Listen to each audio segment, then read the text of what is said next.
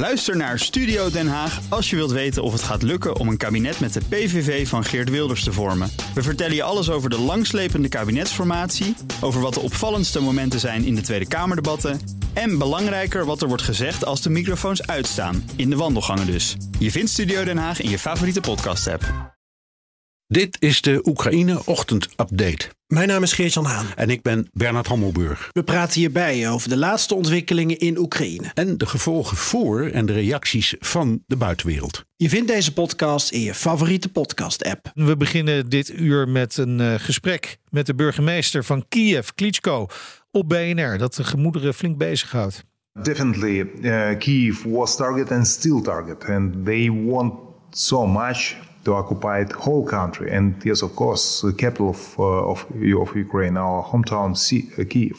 Ja, die burgemeester van uh, Kiev, Klitschko, die zegt dus... de Russen hebben het nog steeds gemunt op Kiev. willen nog altijd de hoofdstad van Oekraïne innemen. We praten erover met Geert-Jan Haan en buitenlandcommentator Bernard Hammelburg. Goedemorgen, heren. Goedemorgen. Goedemorgen. Geert-Jan, om bij jou te beginnen. Jij bent op bezoek gegaan bij Klitschko. Hebt dat, hebt dat interview gedaan met hem. Hij waarschuwt dus voor een nieuwe aanval op Kiev.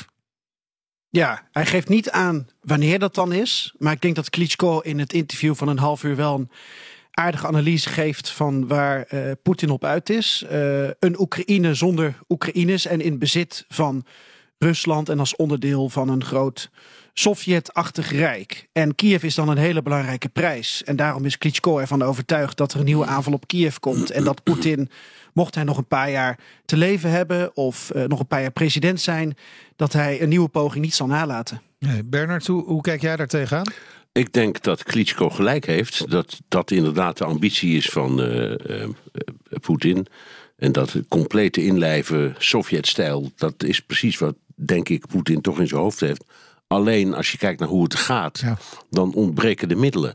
Hij is nog niet eens in staat om zijn primaire doel, dat is de Donbass, um, te veroveren.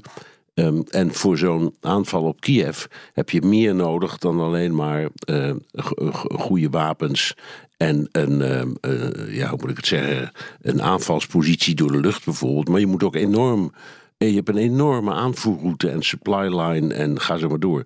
En nou, we hebben gezien hoe het de eerste keer ging, helemaal mis. Mm -hmm. ik, ik zie niet, als je kijkt naar de aantallen soldaten bijvoorbeeld die nu zijn opgeroepen, um, hoe die zo'n plan ooit zou kunnen verwezenlijken, althans op korte termijn. Maar dat hij het zou willen, ja. daar ben ik van overtuigd. Ja, precies, dat is de ambitie. Maar de werkelijkheid is natuurlijk, zeker als we even naar de situatie bij Bakhmut kijken op dit moment, waar uh, de Russen eigenlijk geen meter verder lijken te komen. Heel veel uh, militairen er tegenaan gooien.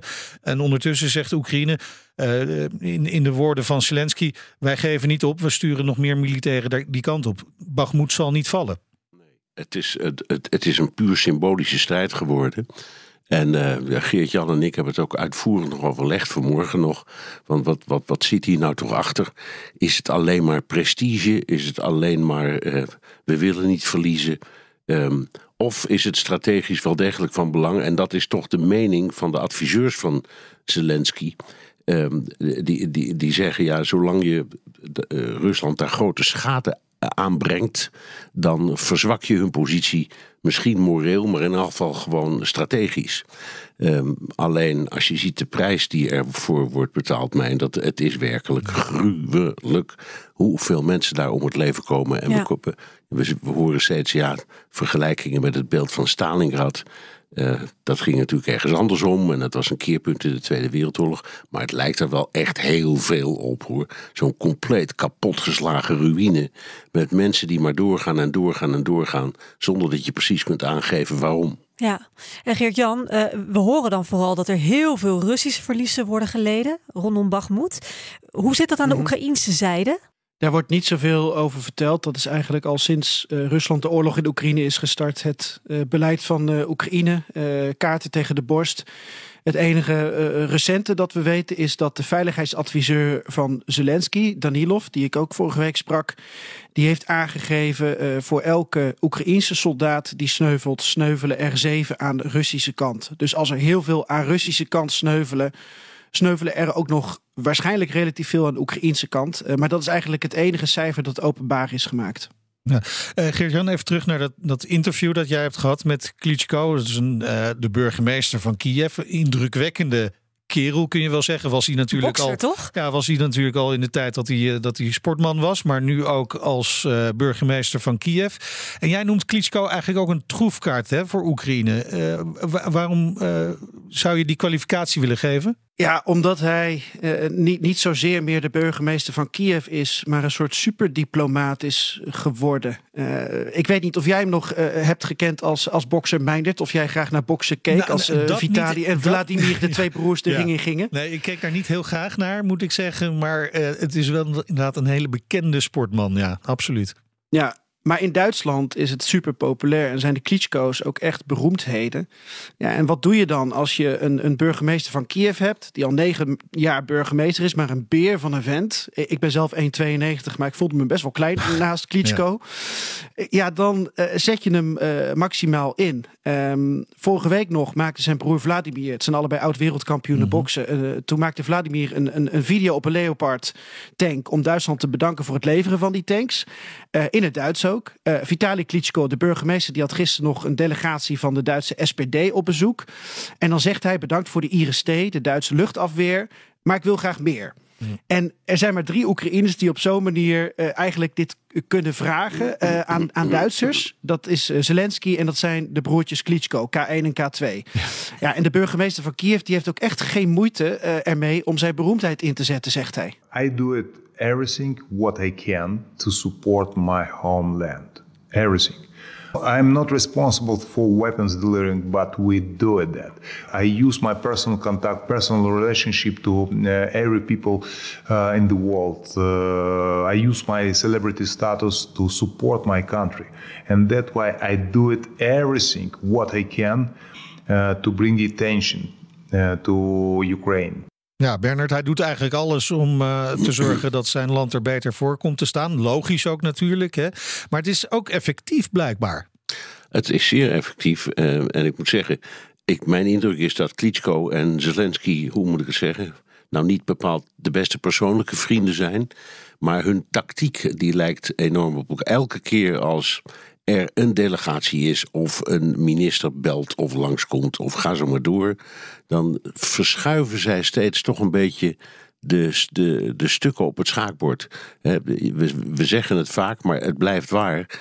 Uh, een jaar geleden hadden we het over de vraag of je wel of niet helmen moest leveren. En, en nu heb je het al over het zwaarst denkbare geschut.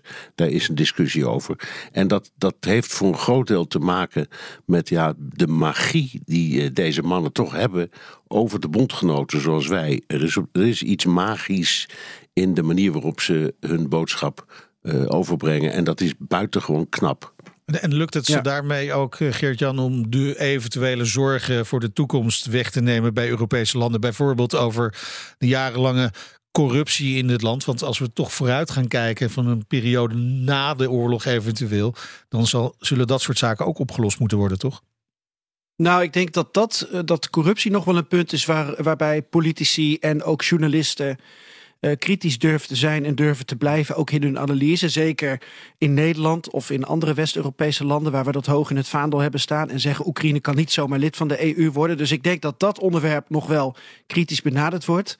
Maar ik merkte het ook zelf. En ik heb het toch ook even gisteravond aan Bernard gevraagd. Van Bernard, ik heb toch het gevoel dat ik me. dat ik toch heb laten meespelen in dat interview. dat ik een klein beetje onder de indruk ja. was van, van de persoonlijkheid Klitschko. En dat wil je niet als journalist. En het is gewoon een hartstikke leuk gesprek geworden. Maar tegelijkertijd zat ik er wel over na te denken: van heb ik me nou laten inpakken? Uh, ik denk van niet, maar tegelijkertijd voelt het wel een beetje zo. Goed. Het hele interview trouwens met uh, Klitschko is uh, terug te luisteren in de podcast die jij ook maakt, uh, Geert-Jan aan Perestrooikast. En op YouTube terug te vinden. En op YouTube te zien ook hoe indrukwekkend die man is. Dank buitenlandcommentator Bernard Hammelburg en Europa-verslaggever Geert-Jan Haan. Ook Harm Edens vind je in de BNR-app. Je kunt BNR Duurzaam niet alleen live luisteren in de app, maar ook terugluisteren als podcast, zoals al onze podcasts. En naast dat de BNR-app Breaking News meldt, houden we je ook op de hoogte van het laatste zakelijke nieuws. Download nu de gratis BNR-app en blijf scherp.